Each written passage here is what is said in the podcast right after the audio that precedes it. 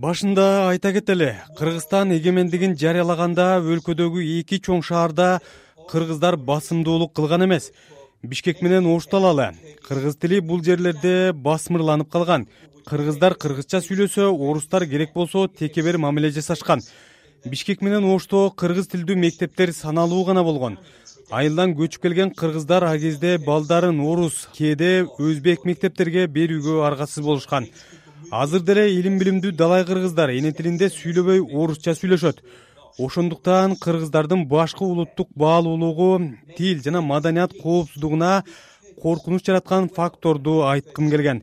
Ошондуктан эки миң онунчу жылы айрым өзбек лидерлер тил маселесин көтөргөндө ал жалпы мамлекеттин коопсуздугуна эч кандай коркунуч келтирбесе да алар болгону биз кыргызстандын жараны болгонубузга сыймыктанабыз. Бизге өзбекче сүйлөгөнгө гана укук берилсин дегени улуттук коопсуздукка коркунуч келтирген маселедей кабыл алынган. Ал өзбек активисттери кыргызстан биздин мекенибиз деп кайталап айтканы да эске алынбай дароо сепаратизм же жикчилдик катары кабыл алынган андагы абдан чоң түшүнбөстүк туура эмес чечмелөө аягында трагедиялуу окуяларга алып келип олтурат.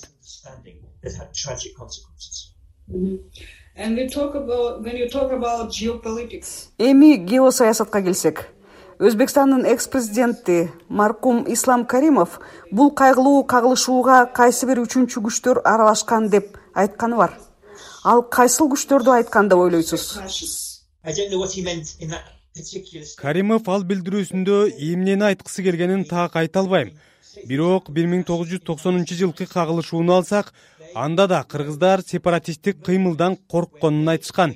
Ошондой эле сөздөр эки миң онунчу жылы да кайталанды. Кыргызстандын түштүгүндөгү өзбектер коңшу өлкөгө кошулгусу келет деген сөздөргө бир да далил келтирилген эмес.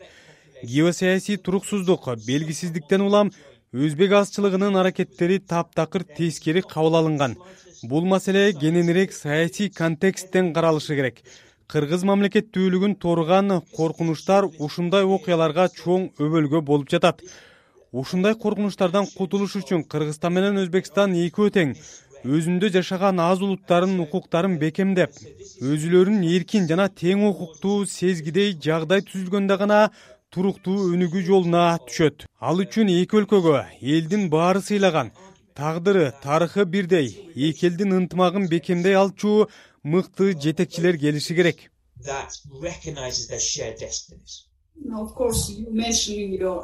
Албетте сиз эки миң онунчу жылкы июнь окуясына кайрылганда ага кыргызстандын бийлигиндеги биримдиктин жоктугу ошол кезде туш тараптан бут тосууларга тушуккан бийликтин алсыздыгын да негизги себептердин бири деп атагансыз. Ошол эле кезде орусиянын ошол кездеги жетекчилери азыркылар деп деле айтсак болоттур апрелдеги элдик толкунду ыңкылап кыргызстанды кыйроого алып барат деп ишеничтүү айткандары да шек жаратпайбы? Албетте ал жерде далай факторлор болгон. Жакырчылык коррупция элдин нааразылыгы акш британия сыяктуу өлкөлөрдүн коррупционерлердин байлыгын офшордук аймактарга жашыруусуна жол ачкан ролун да айтсак болот эки миң онунчу жылы орусия кыргызстанга аябагандай басым көрсөткөнүн да бөлүп көрсөтсөк болот. Баарынан башкысы бийликтеги вакуум боштук бийликтин алсыздыгы чоң түрткү болгону талашсыз. Дүйнөнүн кайсы бөлүгүндө болбосун качан болбосун? Керек болсо ушул күндө да ар кайсы эки жамааттын ортосунда чыр чатак чыгып кетиши толук мүмкүн өкмөт ошондой чыр чатактарды дароо басып койгонго кудурети жетиши керек. Британия болобу кыргызстан болобу элдин күткөнү ошол. Өкмөттөр болбосо жердин баарында эле аягы көрүнбөгөн түрдүү уруш талаш чыр чатактар боло бермектир. Көпчүлүк мамлекеттерде бийлик андай чыр чатак чыгаар замат токтотуп кое алат. Кыргызстанда бир миң тогуз жүз токсонунчу жылы эки миң онунчу жылы биз көргөндөй. Өкмөт бир нече күн бою чатакты баса албай алсыздыгын далилдеди индияда мусулмандар менен индустар күн алыс эле чатакташып турат. Өкмөт алардын араздашуусун дароо жетип барып басканга машыгып калган. Бир эки жолу убагында реакция жасабай койгондо чоңураак кагылышууга айланган. Биримдиктин жоктугу деген фактордо эмнени айткыңыз келди эле кыргызстандын биринчи президенти аскар акаевдин кыргызстан жалпыбыздын үйүбүз деген урааны болгон. Аны кээ бир улутчул саясатчылар өз элин коргой албаган саясатчы деп сындашкан. Эки миң онунчу жылы ош жалал абадда кыргыз өзбек кагылышуусу чыкканда өзбекстанда миңдеген аскер мобилизацияланып кыргыз айылдарын курчап коргоого жөнөтүлгөн сыналгыдан же радиодон кыргыздарды жамандап сүйлөгөн киши дароо камакка алынат деп эскертилген. Өзбекстандын авторитардык башкаруусун мактайын деген ниетим жок. Бир гана алар өзүндөгү кыргыз азчылыгын коргоп калганын айткым келет.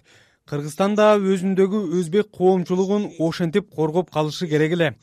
Кыргызстанда сөз эркиндиги кеңири жайылгандыктан кээ бир эркин басылмалар аз улуттарды жамандап мокочо кылып көргөзгөн учурлар көп болгон. Анда маегибиздин аягында азыркы кыргыз саясатчыларына кыргызстандын жетекчилерине кыргыз тилинде кайрыла кетпейсизби? Кудай бизге дүйнөнү аманат сыяктуу бизге берген. Анан кыргыз саясатчыларга кыргыз жери кыргыз республика аманаттай берип койгон. Алардын милдети кудайдын алдында бул жерде жакшы кызмат кылыш керек. Бул деген ким болсо дагы ким бул жерде жашаса дагы өзбекпи кыргызбы русбу инглизби ким болсо дагы алардын кудайдын алдында жашар тынч жашаш өтүш керек алардын милдети карапайым калкка мүмкүнчүлүккө түзүлүп кылып бериши. Алар кудайга жооп бериш керек. Ушуну эстеп жүрүш керек